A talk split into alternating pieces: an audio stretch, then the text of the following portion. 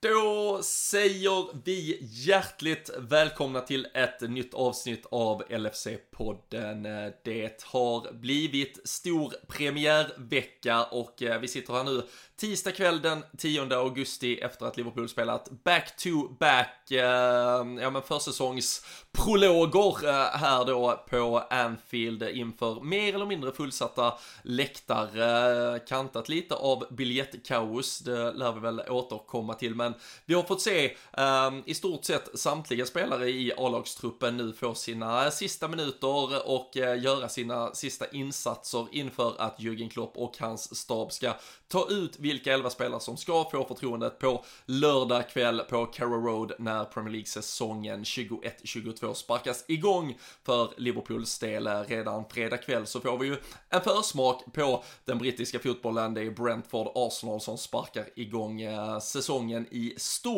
och eh, vi ska väl i detta avsnittet eh, sätta tänderna i allting kring premiären såklart för Liverpools del. Vilken startelva blir det? Jürgen Klopp ställer ut på Carrow Road och eh, även i lite mer då större perspektiv titta på vad den här säsongen kan komma att bjuda på. Hur starkt står sig det här Liverpool-laget mot övriga konkurrenter? Vilka ett lag kommer att vinna Premier League? Hur kommer de övriga toppplatserna att fördelas och eh, vem vinner skytteligan? Vem överraskar? Vad händer? Vi ska försöka att gnugga spåkulan så gott vi bara kan. Och eh, precis som alltid så gör vi ju detta avsnittet och hela den här säsongen tillsammans med LFC.se det är ju på LFC.se ni hittar den svenska supporterklubben och det är där ni håller er uppdaterade dagligen med allt som sker kring vår eh, fantastiska klubb. Eh, det var ju väldigt, väldigt trevliga nyheter idag som kommunicerades på sajten där man till Storträff Sverige som gav stapeln den 18 september kunde bekräfta att Sami Hyppie gör Glenn Hussein eh, sällskap som är då en av två legender på plats eh, för att eh, rama in den här dagen verkligen lite, lite extra och sätta lite finsk sisu och guldkant på allt det som kommer att, eh, ja men det kommer ju bli en sån jävla härlig dag. Det blir alltid det när vi arrangerar sådana här supporterträffar och jag tror den 18 september inte blir något undantag. Är ni inte redan anmälda till den så tycker jag att ni ska bli det. Det är ju storträff i Malmö den 25 september. Den är slutsåld just nu. Ehm, kommer det några extra platser så är det också på lfc.se ni hittar mer information. Men till storträffen i Stockholm den 18 september. Så finns där några platser kvar och eh, som sagt Sami Hyppie är nu bekräftad som en av gästerna och eh, bara att få träffa den store legenden i hög person är ju värt eh, entrépengen. Så in på lfc.se och läs mer, säkra er plats, men först och främst sätt er till rätta och så eh, snurrar vi igång det som är uppsnacket inför Premier League-premiären 21-22 här hos oss på LFC-podden och ni hänger med som vanligt.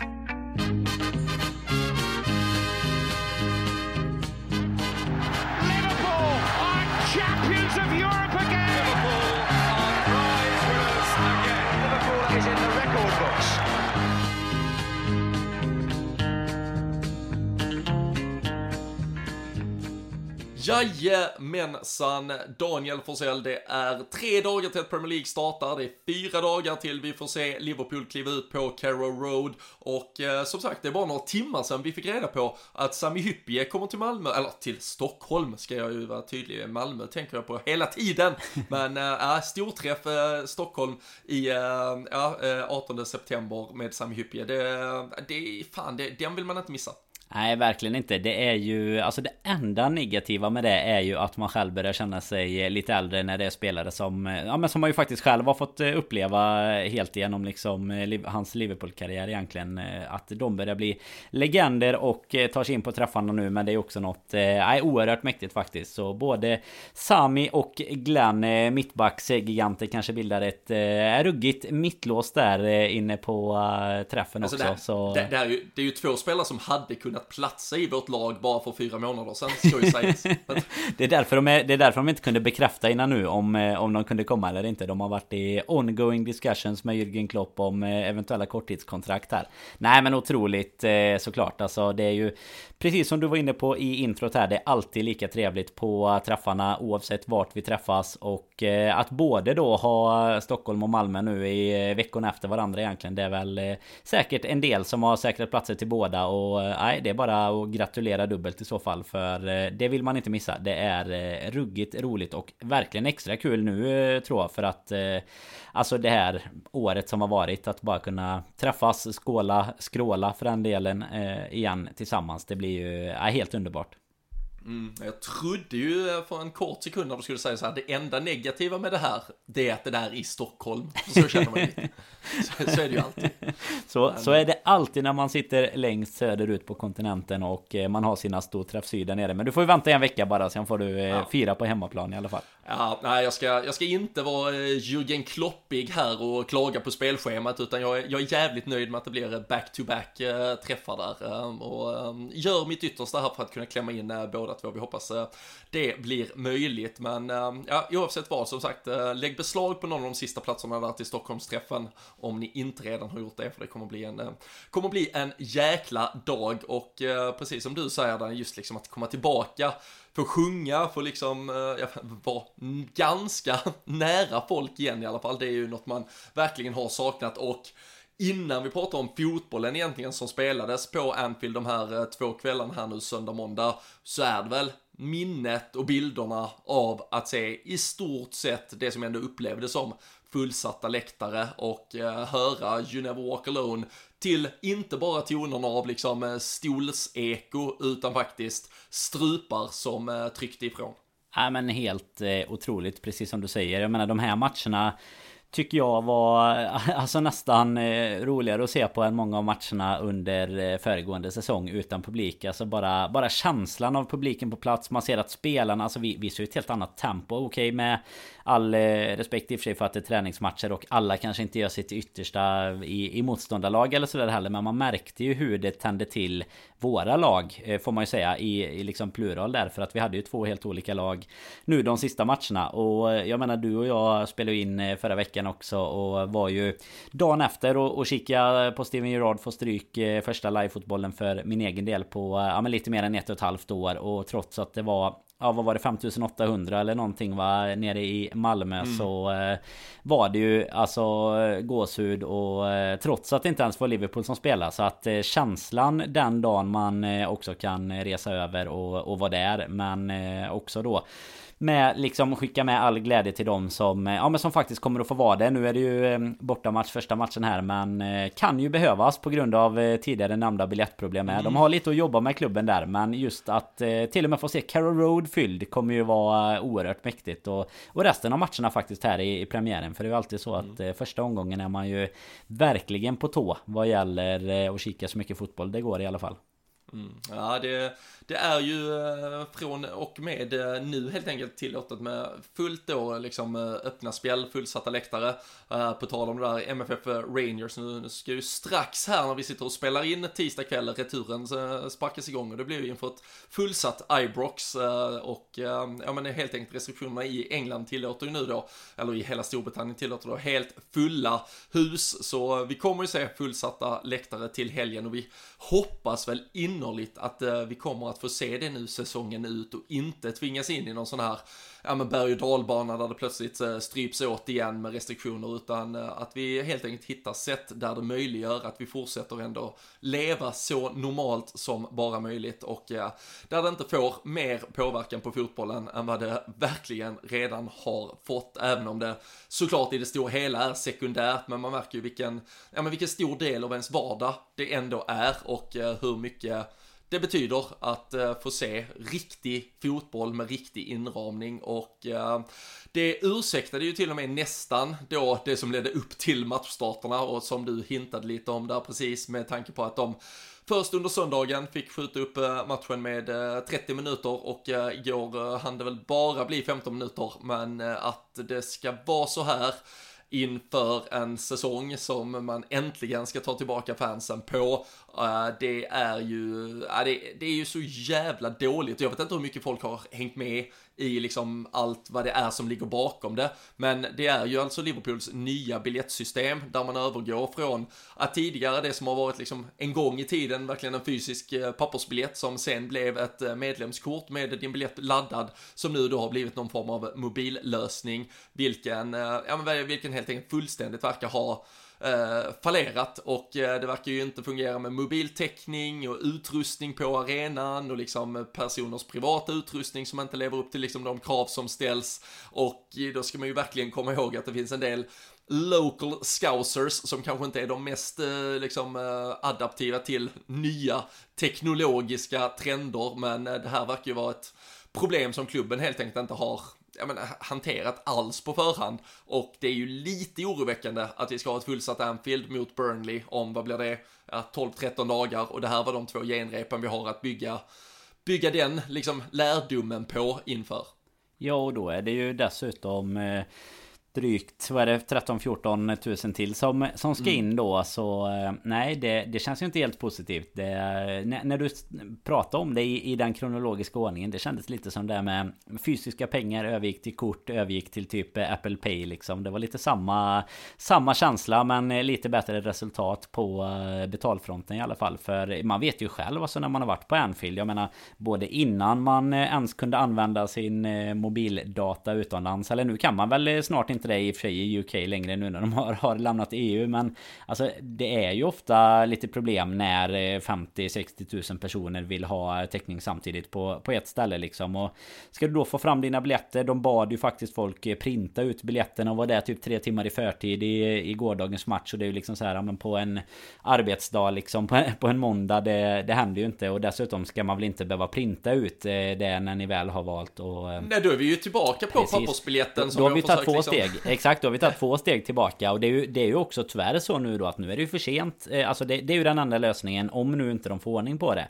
Så är ju det lösningen typ att då ha fysiska biljetter igen. För jag menar du kan ju inte börja skicka ut medlemskort med en och en halv vecka kvar till första hemmamatchen på säsongen heller. Utan verkligen Alltså när man har läst från de som var på plats och sådär Är det ju verkligen smolk i all annan glädjebägare som, som finns liksom kring att vara tillbaka. Så, så är det klart att det där får ju inte ske. Så eh, hoppas Nej, verkligen att klubben tar sig i kragen nu. Ja, och man kan ju säga liksom verkligen vad man vill om, om valet att då gå över till den här mobillösningen. Det som det man ändå liksom får, får ha förståelse för klubben är ju att verkligen göra det personligt. Eh, sen om det är bra och vad man själv eh, tycker om det kanske ska finnas möjligheter att kunna låna ut till varandra och så vidare. Och nu visst, de inför ju en eh, Friends and Family-lista som gör att du kan eh, liksom skicka vidare biljetter till vissa inom vissa ramar och så vidare. Men, men då var det ju verkligen göra det personligt för liksom din mobiltelefon är väl det, ja, kanske det mest personliga du har. Det är inte så lätt att liksom bara skicka runt med posten och ha sig, utan eh, då, då blev det ju verkligen att du kommer gå i ditt namn ville man ju säkerställa. Men om man nu plötsligt kan skriva ut biljetterna istället, då är ju, så att säga, liksom, då kan ju en person köpa hur mycket biljetter som helst och printa ut och sälja. Så då, då liksom kommer du börja föda en, en svarta marknadsprocess eh, återigen. Så, så där kan vi inte heller landa, utan de, de måste ju ha ett system där detta helt enkelt funkar. Uh, och som du säger att, att, liksom att mobiltäckning och annat är dåligt runt Anfield på, på alla matchdagar. Det, det har väl varit solklart i all mm. evighet så att man liksom inte har tagit höjd för det. det. det. får ju liksom klubben att bara fram och liksom, jag vet, det har varit mycket, jag hade bara något problem med att få nya mitt medlemskap i våras och skulle kontakta dem och då är det ju liksom, all personal jobbar fortfarande hemifrån, de har någon dålig chattfunktion som knappt fungerar på hemsidan och, äh, det, där är man ju tyvärr Eh, ja, men något, något steg efter och lite, lite för dåligt förberedda och... Uh, ja, men Stewart var... och sånt var ju tydligen också helt, eh, liksom hade ingen ja, aning om någonting när någon frågade liksom hur ska vi göra? Så det slutade väl till och med med att de, i alla fall i, i förrgår då i söndagens matcher, då vet jag att då, då var det så att då fick de ju öppna liksom, alltså andra ingångar, sådana här turnstiles liksom för att ens kunna få in folk när matchen redan var igång en halvtimme försenat då. Jag menar det, det där kommer ju inte funka när väl Premier League drar igång för då är det fan fasen tv-tider och sånt som, som ska hållas. Det ser man ju alltid. Du vet, det, är ju, det är ju på liksom sekunden ibland att spelarna står uppradade och så får den, måste de vänta tre sekunder innan domaren blåser igång. Så att, Då är det något, alltså är det något vår klubb eh, liksom till 110% arbetar för och verkligen vill säkerställa är det ju liksom säker säkert insläpp på en fotbollsarena. Det, det sista någon skulle acceptera är ju att man bara sätter upp dörrarna och liksom, vad fan, då får vi väl bara släppa in folk här mm. vid den här, alltså det har vi väl tillräckligt mörka liksom minnen av uh, när det har skett tidigare så det får ju såklart inte hända. Så låt oss verkligen hoppas och tro att eh, de ska, eller tro vet i fan om de kommer, att jag vågar, men låt oss hoppas i alla fall att de får ordning på detta till Burnley-matchen. För mm. vi vill se den slå igång eller sparkas igång i tid och vi vill att det ska vara fullsatta läktare och vi vill att de som väl, väl kan gå på matchen inte är de som behöver liksom bära någon börda av att eh, systemen fallerar utanför. Så eh, nej, vi, vi hoppas kunna fokusera på fotbollen framöver nu när fansen ska tillbaka på läktarna. Ja men verkligen. På tal om det förresten, såg du eh, nu att det är lite safe standing uppe på kopp? Längst upp. På tal om Precis. allt med, med alla ja, de mörka historierna såklart.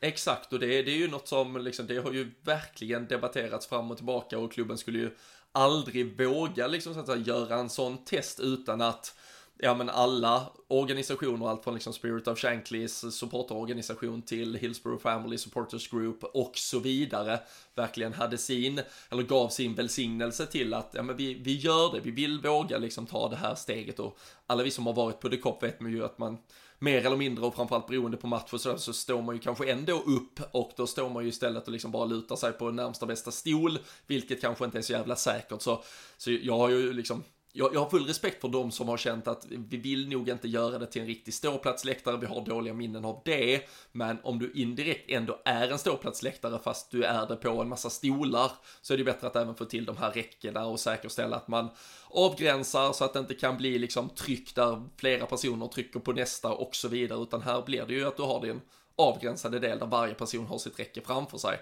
Mm. Och ähm, det kommer ju, det blir ett kul och intressant test att se, se om det bidrar till bättre stämning. Nu kommer man vara, väl vara överväldigad av stämningen hur, hur dålig den är, än är, för den jämförs mot tomma läktare från i fjol, men äh, när man väl kommer dit och upplever det så, så hoppas man väl att det kanske kan ge ytterligare lite effekt till inramningen i alla fall. Ja men absolut, det är ju de här eh, högsta sektionerna nu till en början i alla fall. Alltså de där, eh, där det ändå kanske brukar vara lite eh, bättre tryck eller där trycket brukar starta ifrån om man säger så. Så att det får man väl förutsätta och det är ju så, det hjälper ju, det vet man ju som, som du säger när man har varit på plats. Alltså är det en match mot United och man står upp hela matchen och, och det blir bättre tryck. Sen är det klart att det spelar roll vem man möter men du och jag har ju varit på flera matcher där man liksom eh, har eh, den, den man pratat mest med på hela matchen är ju att man har svurit över någon Någon steward som springer runt och säger till en att sätta en ner liksom så fort eh, Till och med om Liverpool typ kommer i ett friläge så är deras främsta fokus att du ska sitta ner på din stol liksom. Så Hoppas att man kan balansera det på något sätt och, och såklart då bidra till stämningen som, som är extremt saknad.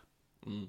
Så är det verkligen, men äh, det blev ett långt eh, segment om äh, både publik som ska tillbaka och Liverpools kanske tveksamma tekniska utveckling som klubb. Men vi, vi, hoppas väl att vi inte får så mycket anledning att återkomma i det ärendet åtminstone, utan kan fokusera på publik på läktarna och framförallt då fredigt spel på planen. För det var ju verkligen två matcher som jag tycker det bjöd på liksom, eh, dels med publikens inramning men även liksom spelmässigt. Det var riktigt härlig offensiv fart från Liverpool såklart. Smolk i bägaren vad gällde Andy Robertson och den skadan han ådrog sig. Men rapporterna är ju i förhållande till de eh, liksom, bilder man mm. såg eh, verkligen positiva. Det sägs väl att det är en, två, tre matcher. Han missar då antagligen fram till det landslagsuppehåll som kommer redan här i början av september.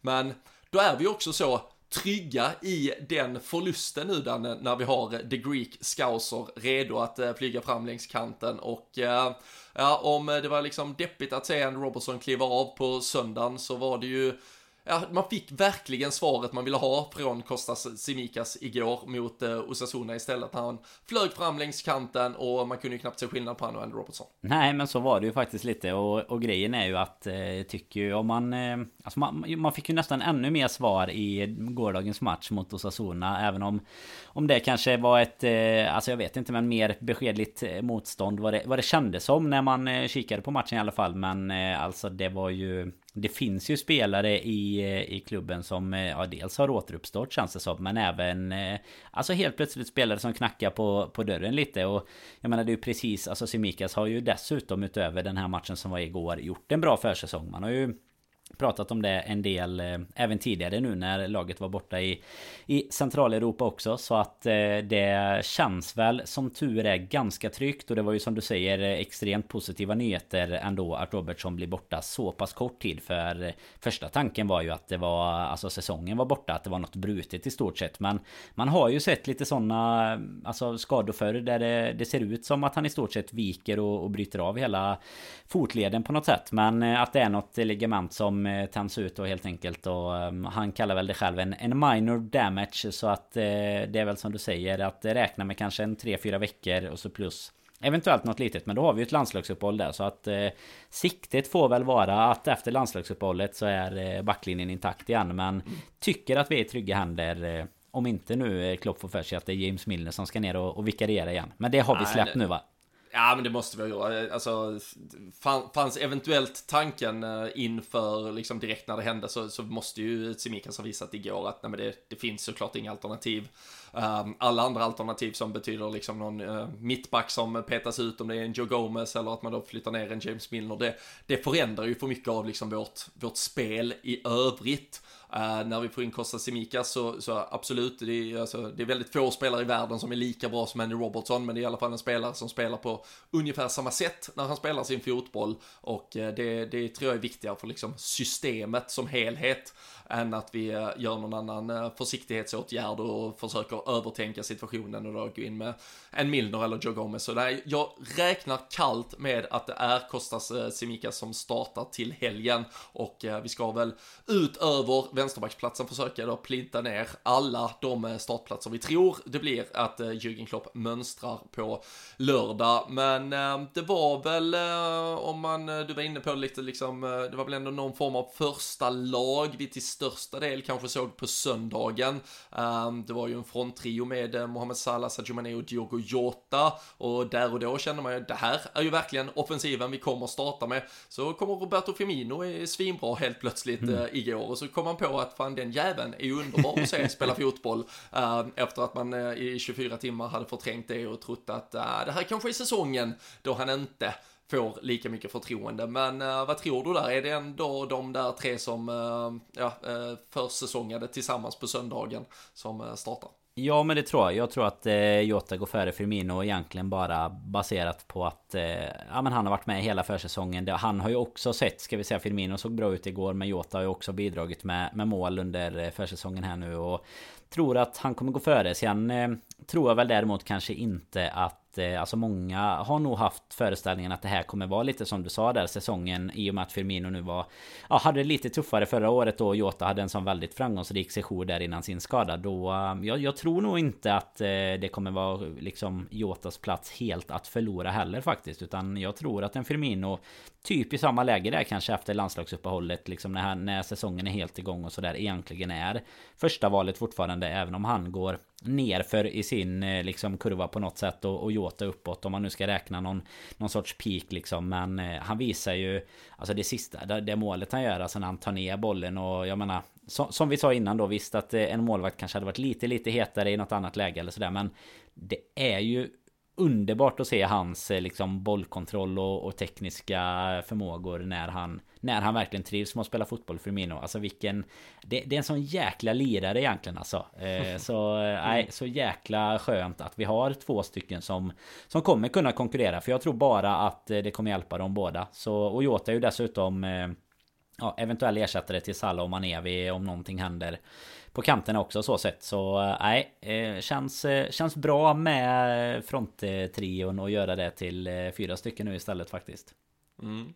Uh, annars var det väl om vi bara summerar från eh, uh, båda, du var inne på många spelare som, som imponerade. Man fick, man fick plötsligt liksom någon veckaklocka, vad fan vi, vi har ju en helt okej trupp eh, här. Uh, något man hade lite förträngt och inte ville tro kanske. Uh, sen är det väl också farligt då uh, på, på ett sätt att uh, det görs liksom ett par bra 75 minuters insatser här från liksom en handfull spelare och man då plötsligt ska tro att de där senaste tre åren av besvikelser plötsligt är som bortblåsna och man tänker väl på en ja men en Oxlade Chamberlain, man har sett en Takumi Minamino som har, har slitit lite med att hitta formen, även om det har varit fullt alltså fullt naturligt att det har varit liksom, han kommer in eh, typ 6-7 veckor innan hela världen går in i lockdown och ska försöka acklimatisera sig till en ny fotbollsverklighet och så vidare. Liksom, jag har full förståelse för att det inte har blivit mer av den karriären än så länge och det finns säkert möjligheter men när man till och med ser eh, Pep Linders prata om att Ben Woodburn helt plötsligt kanske har någon Anfield-karriär, så då, då känner man bara, fan dra dra i handbromsen lite här nu.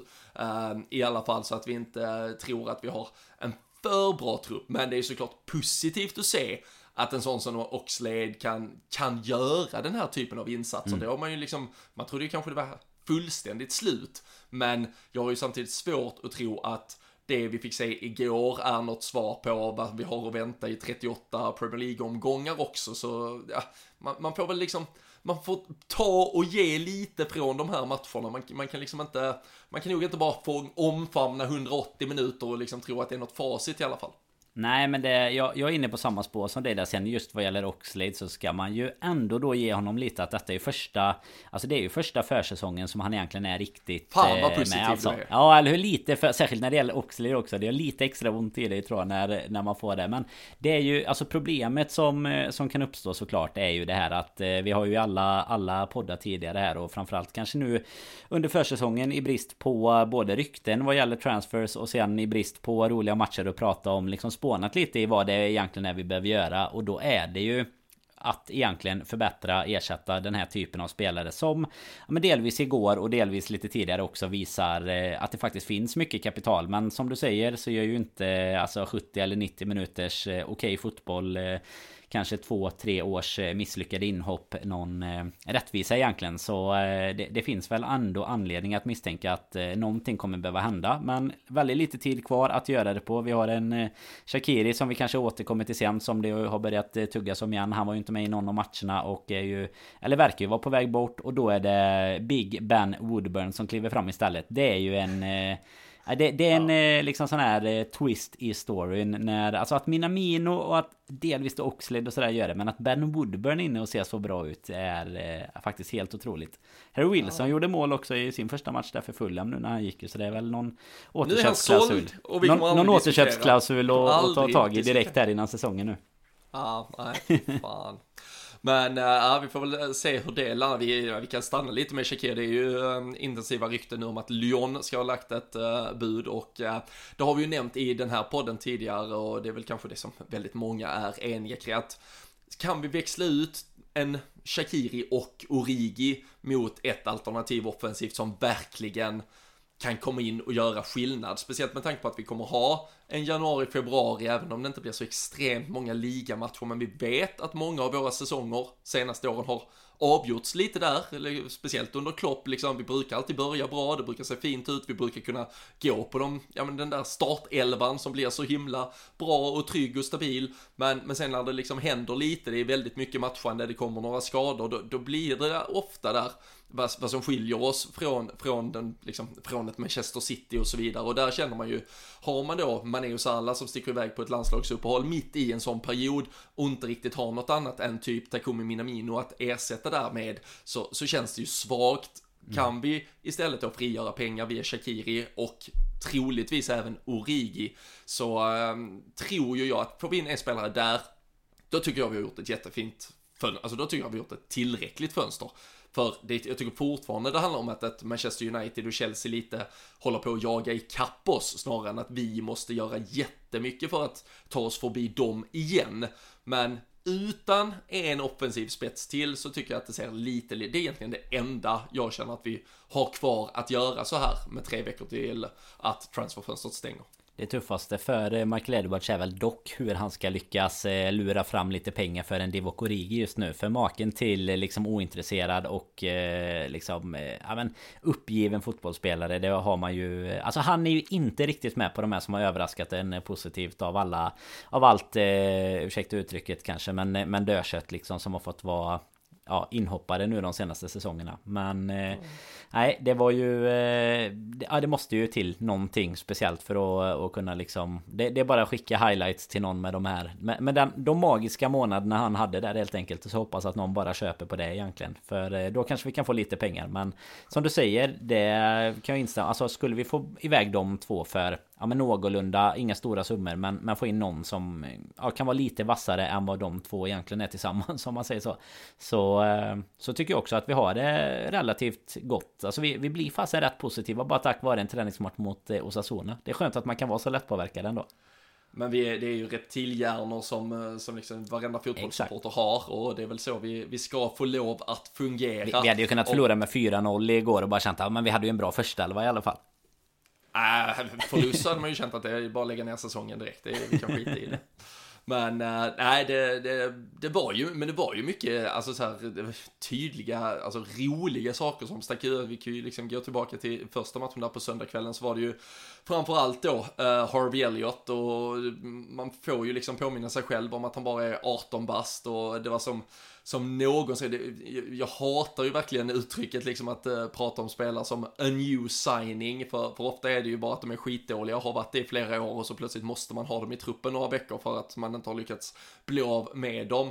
Men uh, som någon skrev där, hade, vi, hade det varit att Harvey Elliott istället var kanske 21 år och kommit som liksom en supertalang från Blackburn, där vi hade köpt honom då inför den här säsongen som ja men som när man, det har sålts eh, spelare som Jude Bellingham och Jadon Sancho tillbaks i tiden, alltså och så vidare. Och så hade vi plockat honom i, i en ung ålder och liksom sett den försäsongsmatchen som han gör mot Bilbao. Då hade man ju känt att helvete, vi har verkligen plockat den största jävla juvelen som finns där ute och nu ska han vara en del av vår trupp.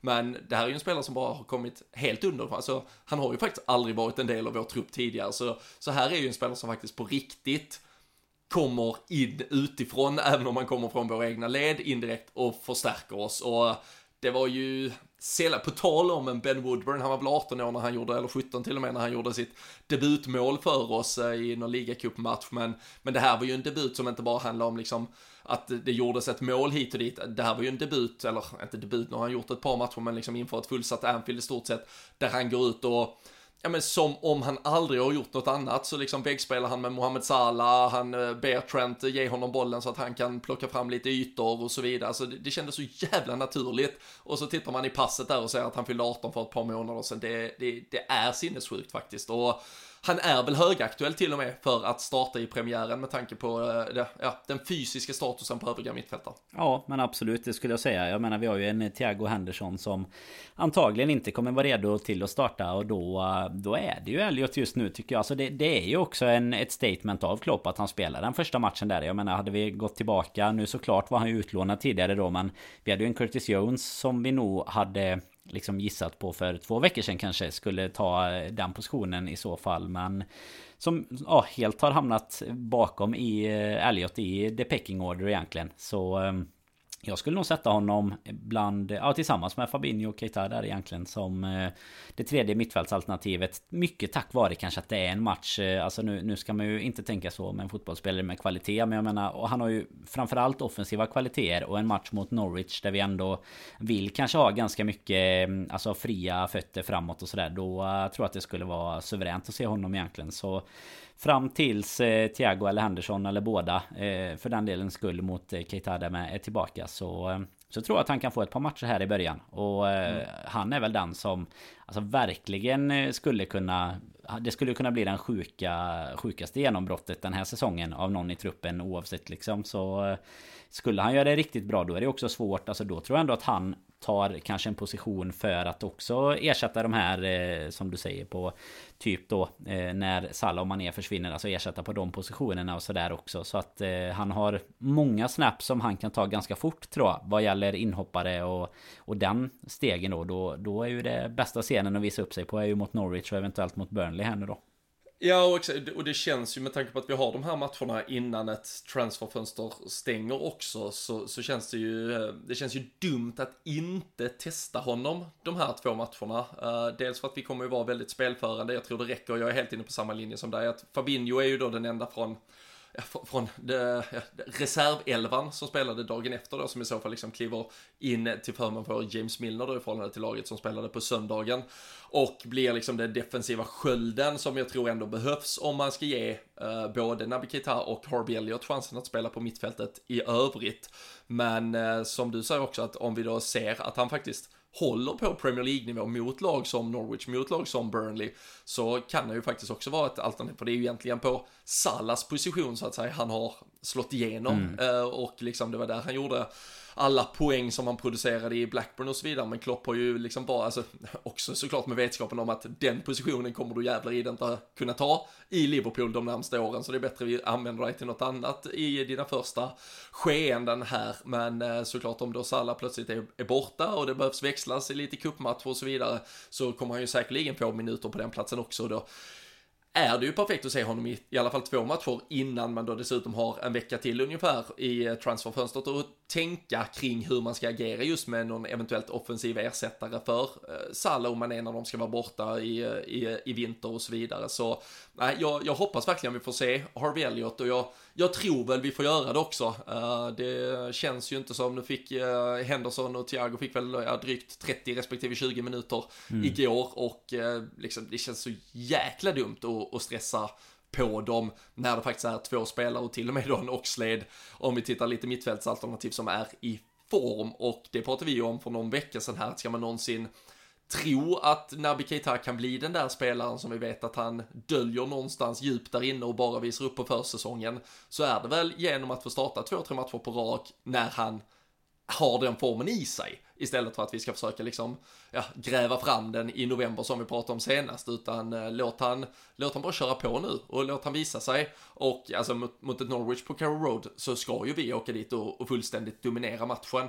Det är liksom inte ett jättestarkt Norwich vi, vi möter och eh, jag har ju stora förväntningar på att Liverpool verkligen tar taktpinnen och dominerar det fullständigt. Ja och då kanske ärligt talat till och med eh, Keita och eh, Elliot till exempel är ganska trevliga att ha framför en Fabinho för Fabinho var väl den spelaren egentligen som, som var med igår som man ändå känner det så här det är självskrivet att han ändå kan, kan ta det klivet in men eh, alltså med precis som du är inne på med eh, Henderson och Thiago där så känner jag absolut ingen anledning att eh, stressa in dem. Det, det hade ju kunnat se värre ut och då då kanske man hade kunnat liksom fysiskt försöka och manövrera en halvlek var av dem eller någonting tillsammans med en Kita Keita eller med en Elliot om någon av dem inte hade, hade presterat och sådär. Men exakt som, som vi var inne på här i början så är det ju nästan fler som knackar på dörren till och med. Så att eh, nej, stressa inte in eh, i onödan här nu utan de här två Första matcherna som sagt både Norwich och eh, sen då i och med att Burnley dessutom är hemma Hur tråkigt den kan vara att möta Burnley Så ska det ju vara en, en taktpinne som du säger som vi håller. Och, och då är det ju ingen eh, jättefara om eh, om vi kanske inte har... Eh, för, för det är ingen av Keita och Elliot som är jättekända för att vara grovjobbade defensivt om man säger så. Även om de kanske har fått det lite mer av Klopp nu. Men båda är ju fantastiska i det pressspelet som vi, som vi faktiskt har gjort eh, extremt mycket mål på. Om man nu ska ta ut något tycker jag ur försäsongen. Så kan man antingen alltså, se det som... Ja men, ja, men återerövringen där. Man kan ju se det ja, som att verkligen. antingen att det är motståndarlagens misstag. Typ felpassningar och sånt. Men det är ju nästan allihop. Alltså har ju kommit av att vi har stressat dem så. Och detta är ju det Liverpool som vi saknade förra säsongen säsongen som, ja, men som Klopp har byggt så framgångsrikt kring tidigare då. Så att eh, bara hoppas att de kan ta med sig det in i, ja, in i riktiga ligaspelet nu med och inte bara på, på försäsongen liksom. Men, eh, men de första matcherna är ju, vi har ju ganska beskedligt eh, schema till att börja med. Det får man ju säga om man kunde mm. varit värre helt enkelt.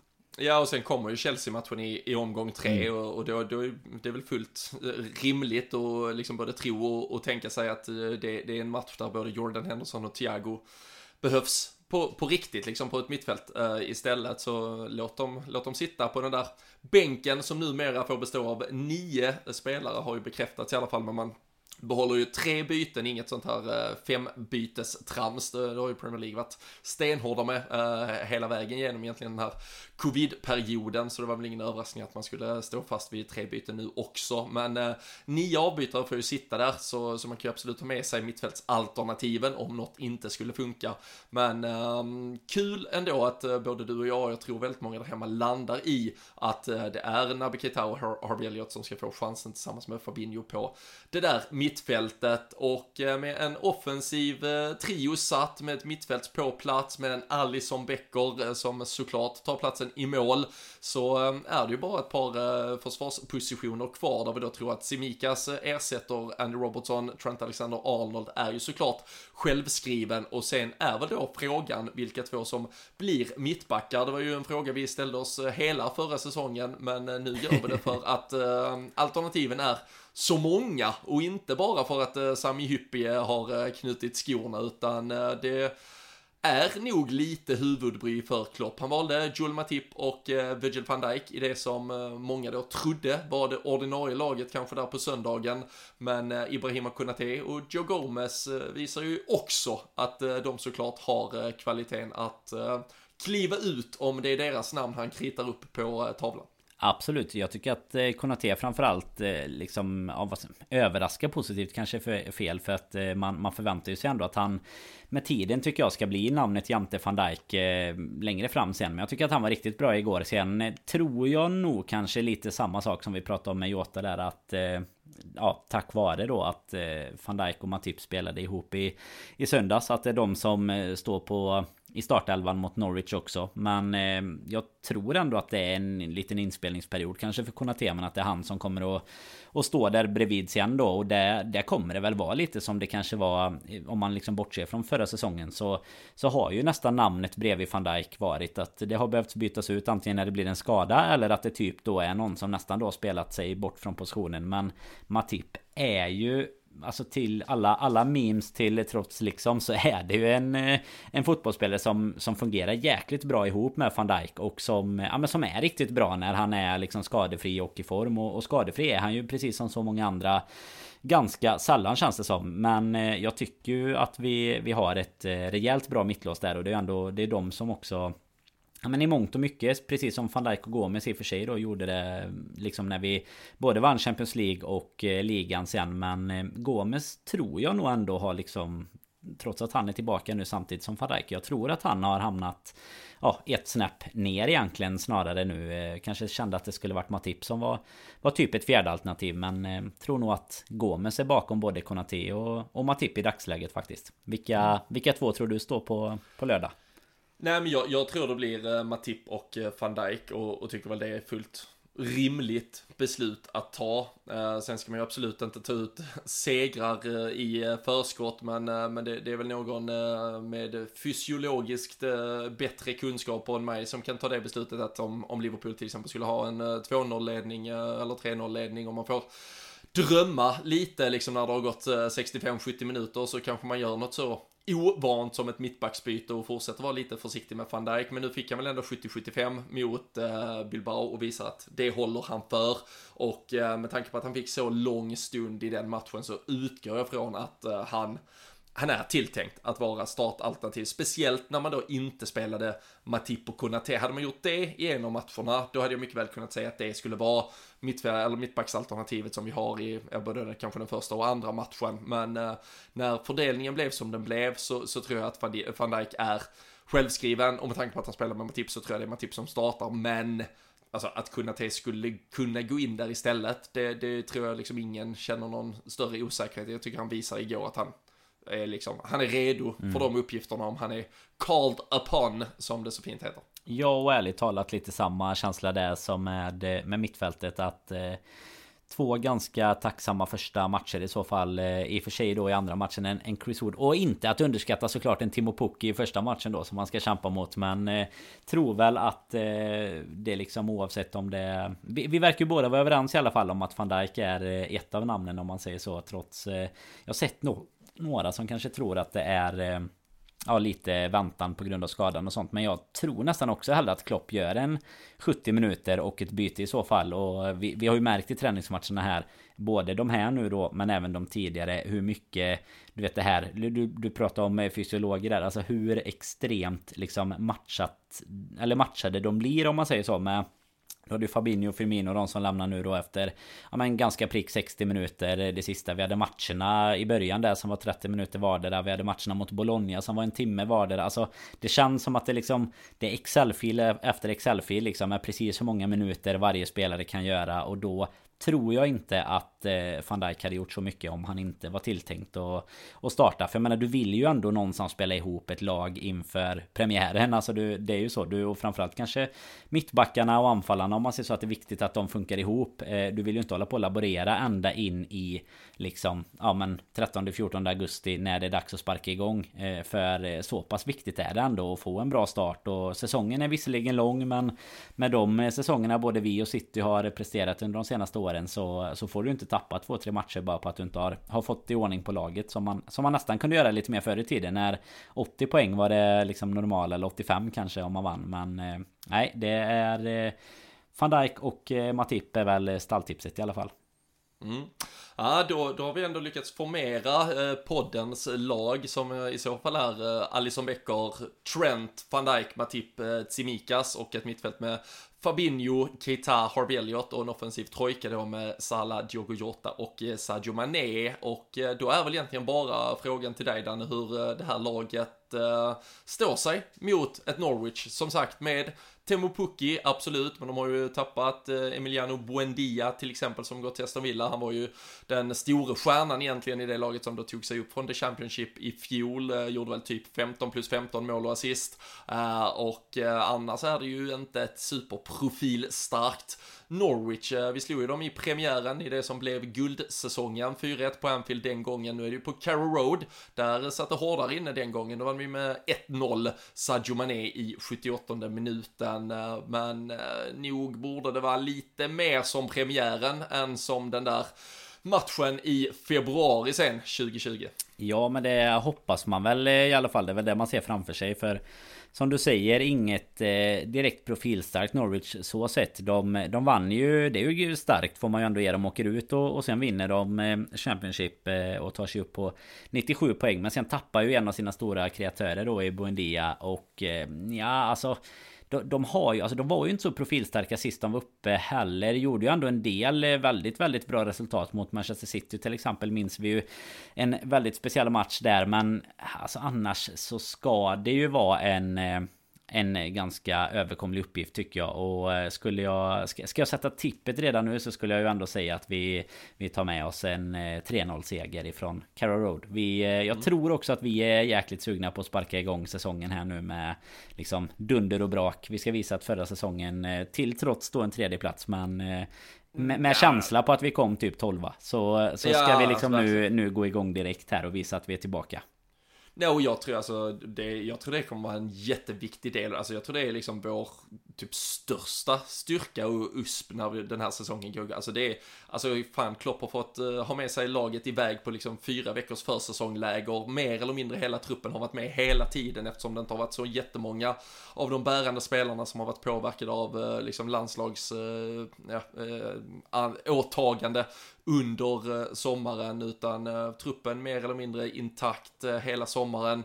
Han känns så jävla tokladdad, fans tillbaka, vi vet hur mycket han växer av det, vi vet hur mycket många av spelarna här verkar växa av det. Liksom, det var fantastiskt att se Sadio Mané i söndags, som är verkligen den här typen av spelare, så liksom blir det kommer publikens sus efter att han har tappat bollen, då vet man att det, det blir sån jävla raketfart på att vinna tillbaka den bollen. Så det, jag tycker många spelare påverkas och man ser i vårt lag liksom väldigt mycket positiva injektioner på att fansen är tillbaka och jag är säker på att det kommer ge skitmycket energi och som sagt att få ha haft hela laget hela försäsongen Klopps liksom eh, övertygelse om att det här laget är tillräckligt bra. Annars hade han såklart jobbat mer aktivt tillsammans med den sportsliga ledningen för att göra förändringar. Utan han, han tror så jävla stenhårt på de här spelarna. Och det kommer ju spegla sig i vilken, liksom, vilken känsla spelarna har ute på planen jag, alltså det finns jättemycket att vara jävligt positiv eh, inför i alla fall.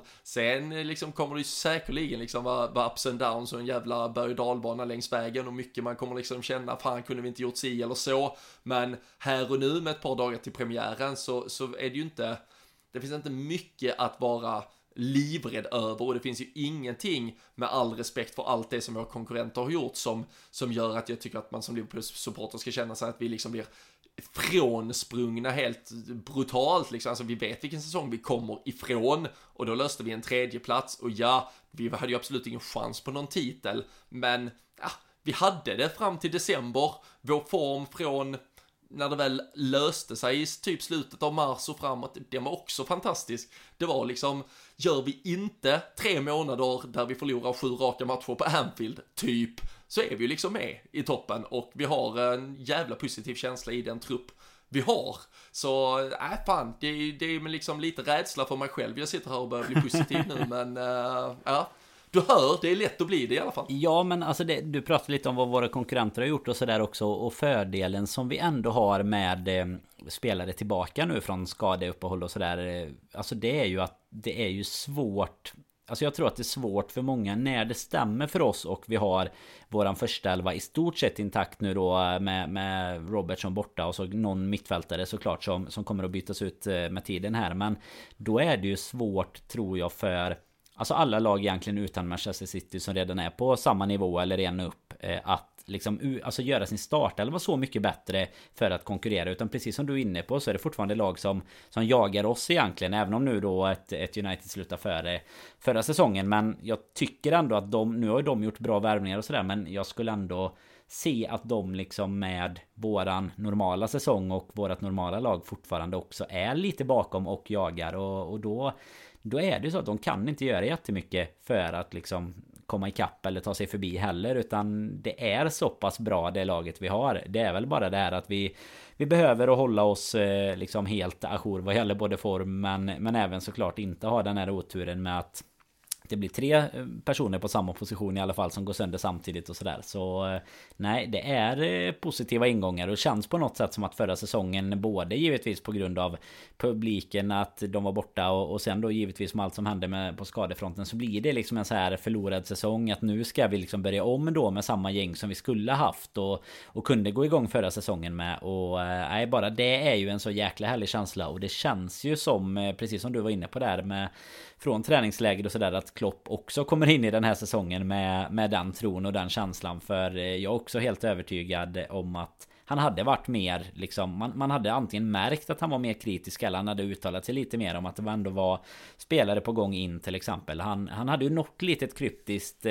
där i nu är det, har det varit så många matcher så efter någon match i alla fall så sa han ju att vi, vi håller liksom koll på marknaden i alla fall ungefär eh, så men eh, det har ju fortfarande. Det var väl typ tjänstefel att säga att man inte hade koll ja, på marknaden. Vi, vi, skiter, vi, vi, vi skiter i allt. vi har stängt böckerna ja. nu. Vi har gått vidare. Vi, vi skiter Men känslan är ju att det inte kommer att komma in någonting i alla fall. Om inte det skulle verkligen vara att som vi var inne på tidigare i avsnittet här. Att eh, Origi Shakiri försvinner ganska fort. Och då kanske vi har något litet S. Men, eh, men inte till liksom någon som skulle kunna starta. Eller alltså några sådana grejer. Det är ju inte ens i närheten.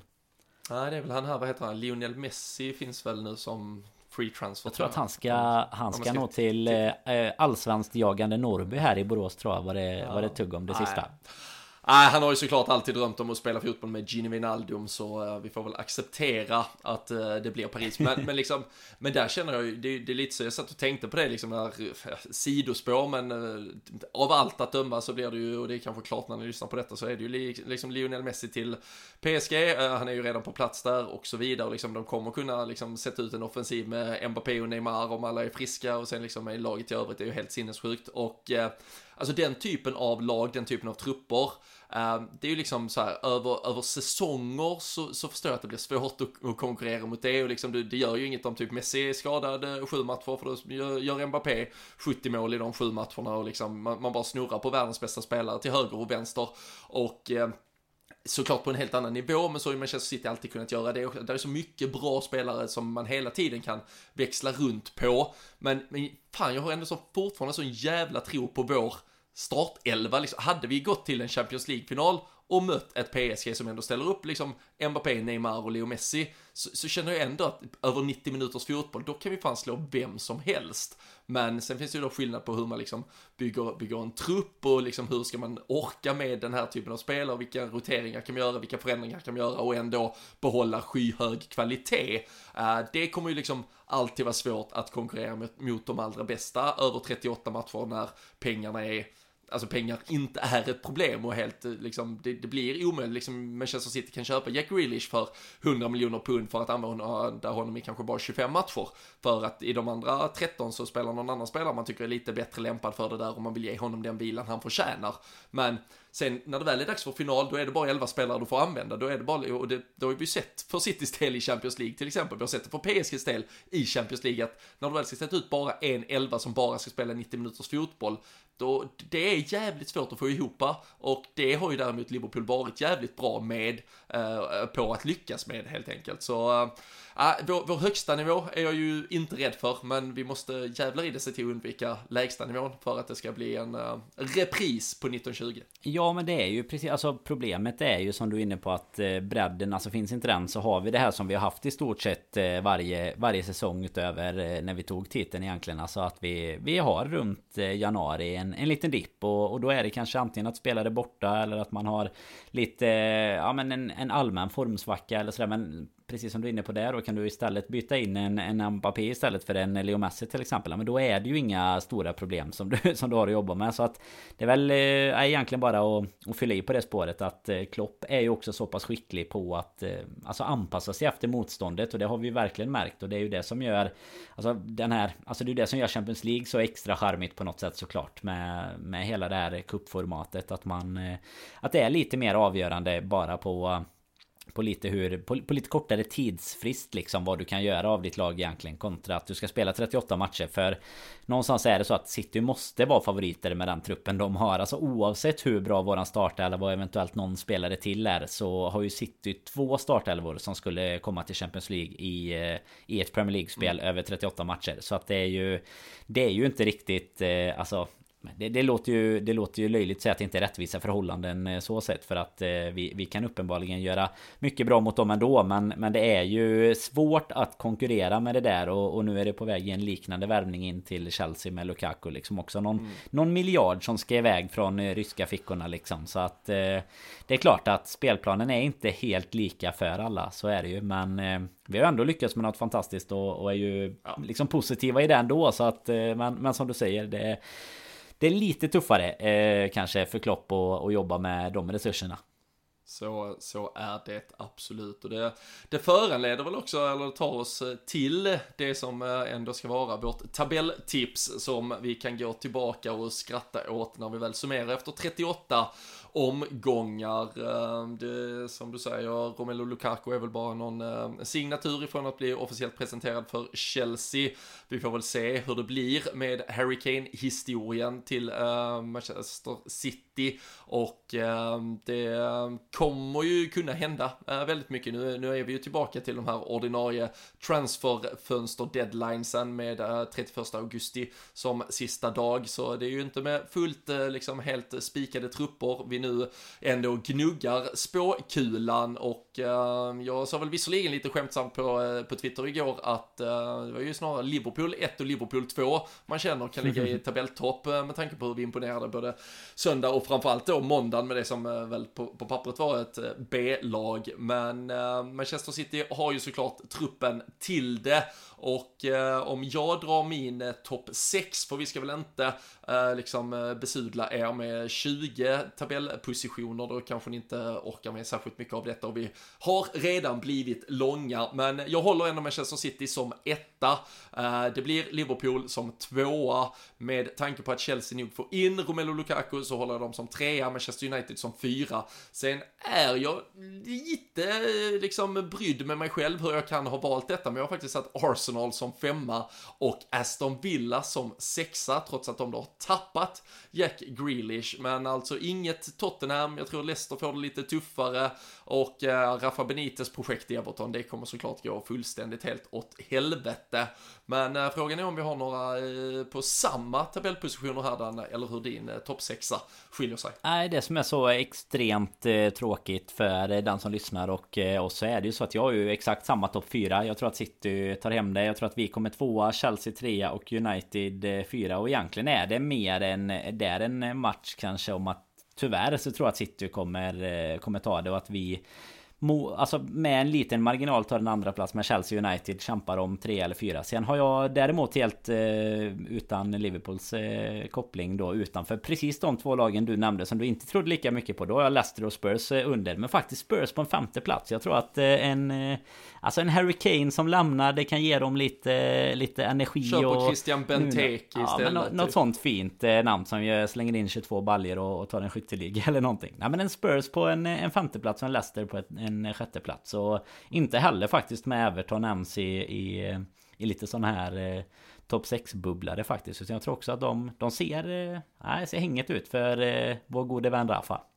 Mm. Vad, vad tror, jättekort liksom, vad, vad, vad, vill, vill vi att eh, Rafa ska, ska lyckas okej okay med Everton eller tycker vi det ska gå lika illa som det brukar gå för dem? Nej, alltså jag tycker väl egentligen att det är ganska skönt om det går ganska illa för dem. Eh, det är ju eh, inget emot Rafa utan det är bara emot Everton. Och så gillar man ändå Rafa vidare. Lite som, eh, som vi pratade om när han tog över där egentligen. Att eh, man, man gillar ju fortfarande den personen oavsett fast han tar över Everton. Man får ju, han får ju väldigt gärna liksom dra dem till en... Eh, ja, de ska inte åka ur men en 17 plats hade man ju skrattat lite åt. Och så hade man ändå kunnat eh, säga att det var ett inside jobb efteråt bara. Ja, eller kanske att han har dem typ så här på tolfte plats och så sparkar de honom kring jul och så blir det bara ännu sämre när Duncan Ferguson får ta över och, och rida skeppet liksom sista, sista veckorna eller månaderna. Men äh, jag, jag, jag tror de får det svårt. Jag, jag tror Spurs får det så. Jag tror också att äh, det som liksom, det känns ju som att hela den här Hurricane-soppan kan bli liksom lite utdragen. Det känns ju som det kan bli lite smutsigt kring ja, det, det, är liksom ord hit, ord dit, vad, vad som sägs nu. Liksom, det, det, är ju verkligen eh, match made in heaven att det är Tottenham mot City på söndag också. Eh, det, det, blir ju en jävla clash liksom, eh, oavsett vad som hinner hända innan dess. han kommer väl troligtvis inte komma till spel, är väl min gissning, oavsett liksom kontrakts situation där och sen, eh, nej, titta, ah, jag tror de kan få det jobbigt. Och sen så tror jag ju, eh, det är ju min personliga åsikt, jag tror att eh, Aston Villa har gjort jävligt bra i att ta den enorma pris, prissumma som liksom man fick för Jack Grealish och verkar ha investerat det smart i Danny Ings, eh, Leon Bailey och eh, Buendia som var inne på. Liksom, de, de kommer kunna skapa mycket målchanser även framöver. De kommer ha en spelare som gör mycket mål framöver i en Danny Ings och hade ju redan ett par spelare från förra säsongen med Ollie Watkins till exempel, mm. John McGinn som var lite Liverpool-aktuell i början på sommaren. Liksom. Det, det är mycket bra spelare där.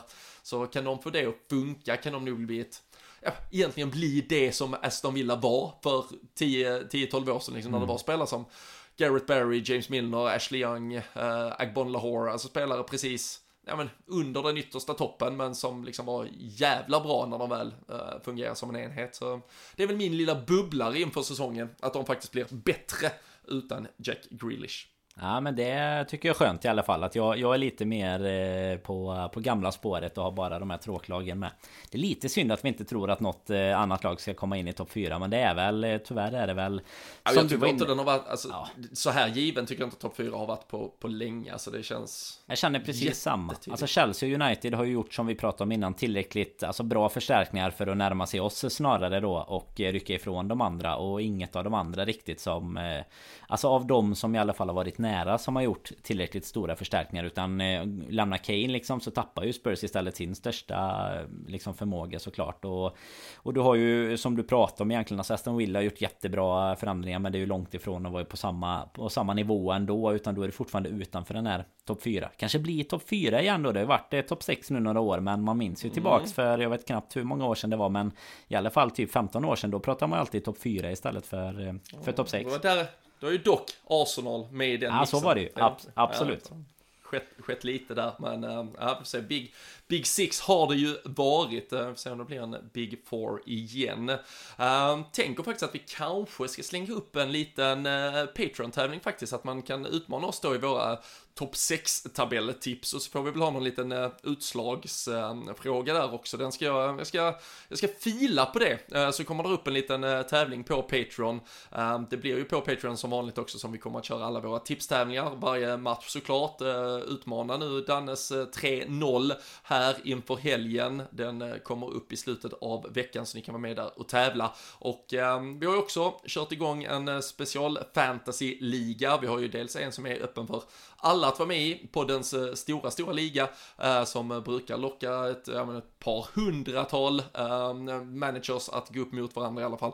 Och eh, så har vi då den lite mer exklusiva fantasyligan eh, för alla Patreon-medlemmar där det är lite extra priser i potten. Och där kommer vi också släppa då fantasy specialavsnitt där vi eh, snackar med, ja men lite såklart bara lättsam ton kring, det blir ju lite mer fotboll generellt då från Premier League, då väger man in lite vad som händer i alla lag, både i backspegel och blickar framåt. Och eh, ja, men får helt enkelt mer fotboll och eh, det vet jag att det är många där ute som gärna konsumerar. Så är ni inte redan Patreons så bli det. Så få in på patreon.com slash LFC-podden så kommer det vara både tävlingar och annat kul ni kan ta del av. Men eh, vi har hunnit bli långa här Danne, vi har satt vår topp 6, vi har lovat 3-0 seger och tagit ut vår 11. Ehm, är det något mer vi vill tillägga inför säsongstarten eller är det bara att eh, ja, knäppa fast eh, bältet och eh, vara beredd på en jävla berg och dalbana? Ja, exakt så är det. Nu börjar det igen och det är så jäkla gött alltså. Det är få saker som slår eh, känslan när säsongen går igång på riktigt igen. Och framförallt nu när, det, när vi har varit tillbaka lite i det här att det har varit en, en riktig försäsong om man säger så. Även om eh, vi inte har bjudits på eh, så många smällkarameller vad gäller transfers och sånt. Så är det ändå Det har varit lite mer normala förhållanden. Vi får normala förhållanden på läktaren igen. Och nej, det är eh, som du sa bara betala entrébiljetten här nu och så spänna fast sig. Så är det och uh, vi avslutar dessutom med den sjukt glädjande nyheten att efter 1359 minuter fotboll i Sheffield United-tröjan så har Rian Brewster gjort mål Danne. Tänka sig. Bara det. Jag säger ju det att det är något magiskt över premiäromgångarna. Fast detta var fasen inte ens... Eh, jag är inte ens säker på att det var premiäromgång för dem i och för sig. Så att... Eh, ah, jag tror, det, jag tror det var nog... det här kan ha varit, kan, kan ha varit en kuppa skit samma det kanske det var hans Han har gjort mål. Exakt, det var premiär för målet i alla fall. ja, det var det. 32 eh, matcher eh, mållös efter att han hade värvats för 250 miljoner från Liverpool. Michael Edwards skrattar hela vägen till eh, banken. Vi ska försöka skratta fram till premiären så får vi se om vi sätter det där skrattet i halsgropen eller om vi kan festa på på lördag kväll 18.30 kickoff på Carrow Road mot eh, Norwich och vi hoppas såklart att Liverpool inleder med tre poäng. Vi tackar för att ni har lyssnat. Det finns som sagt en eh, fantasy special. Den bjuder vi på helt öppet i alla våra kanaler här inför säsongen. Men sen som sagt så finns då fler specialavsnitt på Patreon framöver. Men ja, ja, ni hänger med. Vi finns på sociala medier. Interagera med oss eh, på eh, Twitter framförallt, LFC-podden. Ni hittar oss där. Tack för att ni lyssnar, tack för att ni är med oss. Glöm inte att anmäla er till den stora träffen i Stockholm den 18 september. Så kanske ni har turen att eh, träffa oss, men ni får absolut träffa i alla fall Glenn Hussein och Sami Hyppie, så det vill ni inte missa. Tills vi hörs nästa gång får ni ha det så bra. Ta hand om er så hörs vi och ses vi snart igen.